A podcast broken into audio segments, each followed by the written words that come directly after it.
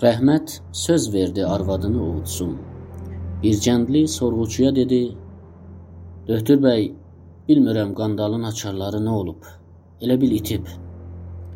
Sorğuçu qızğınlıqla dedi: "Necə yan itib? Bəlkə açar gözətçixanada qalıb. Gedib açarı tapıb gətirməniz yaxşıdır. İstəmirəm arvadı biləsini əli qandallı olaraq görsün." Rəhmət dedi: "Mən yolda gələrkən eşitdim bir şey düşdü. Amma sərkar dedi açar deyil." Bircəndli açar deyildi. Potunum yerə düşmüş bir yekə mıxa ilişdi. Sən dedin bə bizzat düşüb deyib sonra da artırdı. Elə də qayıdıb açarı tapıb yenidən burada qayıdaq. Sonra da əlini qovzayıb göz örtüyünü yenidən Rəhmətin gözünə taxdı. Rəhmət belə sandı, bir daha da qayıtsalar, ola bilər bir mahana tapıb onu Şəhribaniyə qayıdıb arvadını görməyə qoymayalar. Göz örtüyünü taxcaq yenə Rəhmət sorğuçunu bir cür sırlı duydu. Bircəndli yola düşməmiş dönüb sorğuçuya dedi: "Sayın döhtür, nə olacaq? Qoyun gözətçi bəy də mənim yanımda otursun. Mən arvadıma qandalı açıqlayaram. Hətmən arvadım qanar." Bəlli idi, sorğuçu düşünür. Sonra bir əl göz örtüyünü Rəhmətin gözündən götürdü. Bu dönə sorğuçu özü bu işi görmüşdü. Sorğuçu otağa getdi. Bircəndi də içəri keçdi, dalısıca da Rəhmət otağın içinə çəkildi. Arvadı ayağa durub ona sarı gəldi. Rəhmət sol əli ilə onunla əl verdi. Bircəndli yaxınlarında olduğu üçün onu öpmədi. Rəhmət Bircəndlinin necə arvadına göz dikdiyini gördü. Zöhrə arıqlayıb, gözləri şişib, ağzı burnunu da çox sildiyi üçün qızarmışdı. Gövdəsi kiçilmiş görünürdü. Dolğun dodaqları titrərkən üzündə heç bir bəzəyi yox idi. Sorğuçu dedi: "Buyurun əyləşin." Rəhmət sol yönündə, arvadı sağ yönündə bircəndli olan biçimdə oturdu. Beləliklə bircəndli ər-arvadın bütün danışıqlarını eşidirdi. Zöhrə dedi: Timsar Cəfəri sürücüsünə deyibsən, şahı yaman deyibsən. Onun üçün də 2-dən 4 ilə kimi səni dostaqlayacaqlar. Rəhmət 2-dən 4 ilə görə sorğuçulardan bir sözlər eşitmişdi.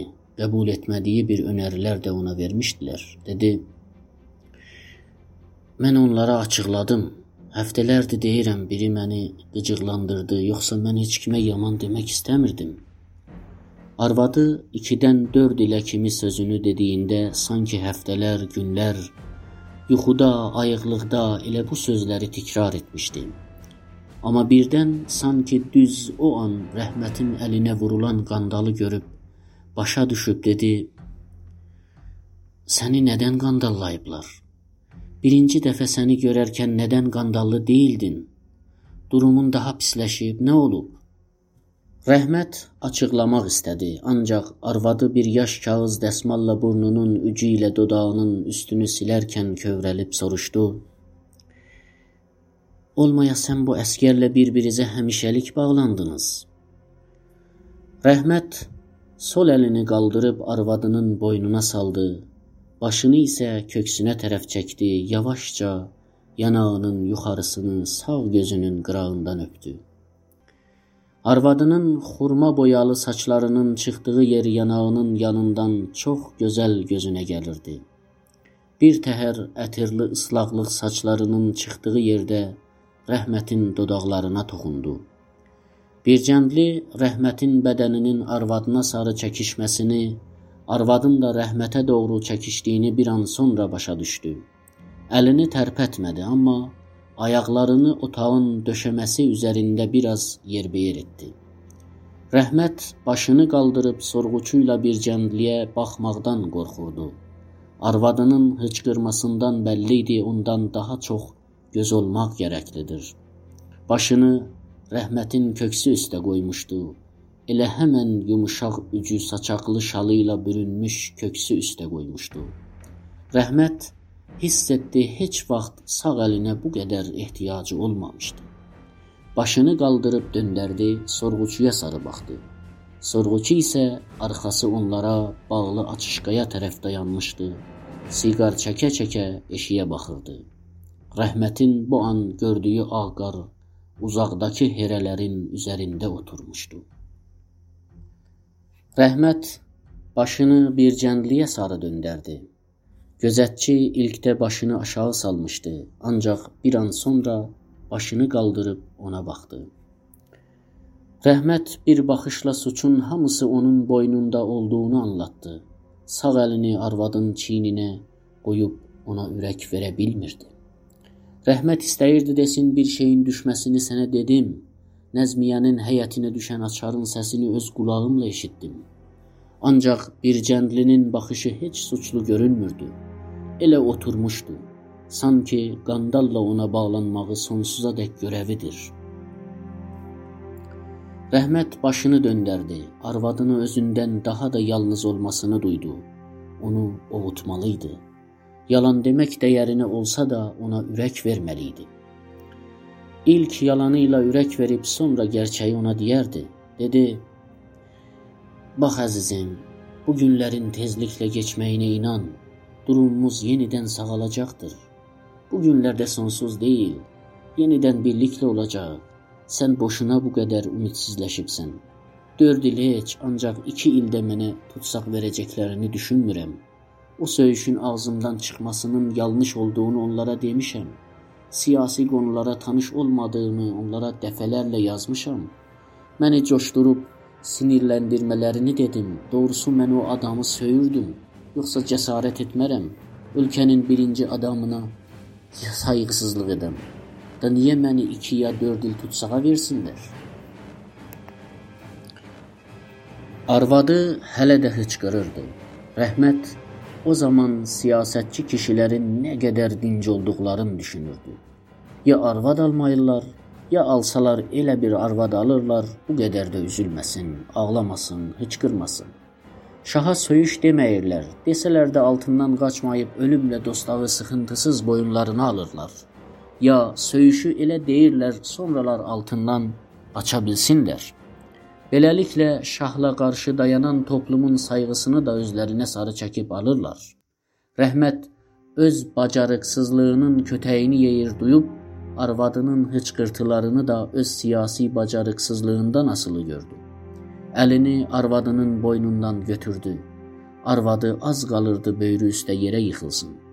Rəhmət sorğuçuya dedi: "Bağışlayın, doktor bəy, Zəhmət olmasa buyurun xanımıma bir bardaq su versinlər. Sorğuçu çönüb rəhmət ilə arvadına baxdı. Masanın arxasından qapıya sarı gəlib qapını açıb oyan bu yana baxdı. Elə bil kimsə yox idi. Sonra masaya doğru geri qayıdıb çıngırığı axtardı. Onu tapıb çaldı. Yenə də qapıya sarı getdi. Gözətçini qapı önündə görcək ona bir bardaq su gətirməyini əmr etdi. Sonra qayıdıb masanın arxasında oturdu. Rəhmət yenə də sol əli ilə arvadının əllərindən yapışdı.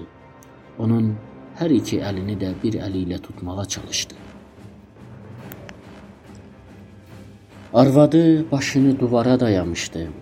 Ağlamırdı, ancaq hərdən hıçqırırdı. Rəhmət öz-özünü danlayırdı. Görünməmiş bir durum biləsinə əl verdi. Arvadı bu durumda bir böyük göyərçin kimin idi. Acımasızca rəhmət kimi ovçunun əlinə düşmüşdü. Saç tellərindən neçəsi üzünün qıraqlarından, qurumamış göz yaşlarının arasında, dodaqlarının yanında üzünə yapışmışdı. Beləliklə o rəhmətin böyük nəqqaşların kitablarında gördüyü nəqqaşilərə oxşayırdı.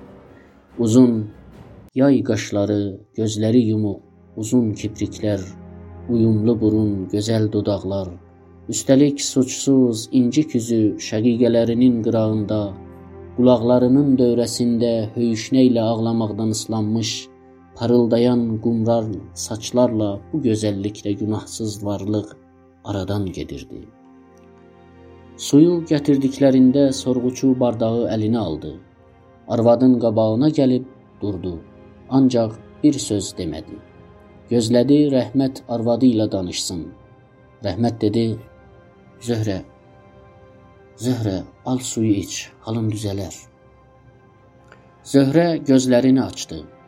Rəhmət ona baxarkən hiss edirdi arvadının bətər qızdırması var.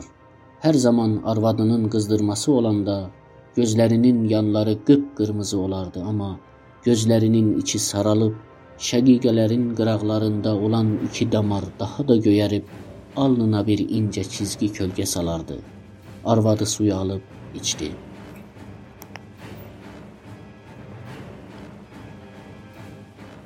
Arvadı suyu alıb içib sonra da bardağı sorğuçuya qaytardı. Rəhmət öz-özünə sorğuçu mehriban olmuşdu düşündü və bu bütün sorğuçuların həmən tanınmaz hallarından idi. Elə bil bu həmən onu şallağa dolan adam değildi. Dönə-dönə bərkdən onun qulağının dibindən vurmuşdu. Min cürə hərbə kəsmişdi. Həm də o belə ona yaman Yovuz demişdi. İndi nə üçün mehriban olmuşdur? Bu cür tərs-tərs davranışların nədənini sorğuçuda tapmaq olmazdı. Sorğuçu gedib yerində oturmuşdu. Səssizliklə birdən rəhmət qarğaların höyüşnəli səsini açışqa arxasından eşitdi şaşırdıcı idi. Və niyə indiyə qədər bu höyüşnəni bilməmişdi? Arvadı birdən-birə dedi: "Niyə? Niyə? Niyə?" Rəhmət sandı arvadı onun dostaqda olması ilə ilgili olmayan bir söz soruşmuşdu. Bəlkə də qarğaların səsi onda bu təpkini yaratmışdı. Buna baxmayaraq Rəhmət düşündü arvadı neçə dəqiqə öncəyə görə azım çox ovunub, ona görə də istədi neçə dəqiqə öncə deyən yalanını bir doğru sözlə geri ala. Komitənin əlindən buraxılmamasını eşidən andan həm də azım çox biləsinə bir qalın pərvəndə açılıb lap başda şaha söyüş verməsi də bir iri berelyan kimi üzüyün qaşında parlaması biləndən arvadı ilə açıq danışmasını düşünmüşdü. Həm də başını bərk özünə qatan düşüncəni arvadı ilə araya qoymasını düşünürdü. Tezliklə qəsr zindanına gedib məhkəməsinə qədər orada qalmasını bilirdi. Sorğuçuların danışıqlarından ən azı 2 il dostaqda özü də elə həmin qəsrdə qalacağını anlamışdı. Ancaq heç kim gələcəkdə dostaqda ya dostaqdan eşikdə başa gələcəklərə ön görüş verə bilməzdi. Bu gündən bu 2 ya 4 ilin son gününədək onlarca böyük olay məmləkətdə baş verə bilərdi. Kim nə bilir, dostaqdan daha tez ya gec eşiyə çıxa bilirdi. Ya başqa bir yanlış edib dostaqda qalıb, çürüyüb ölə bilərdi.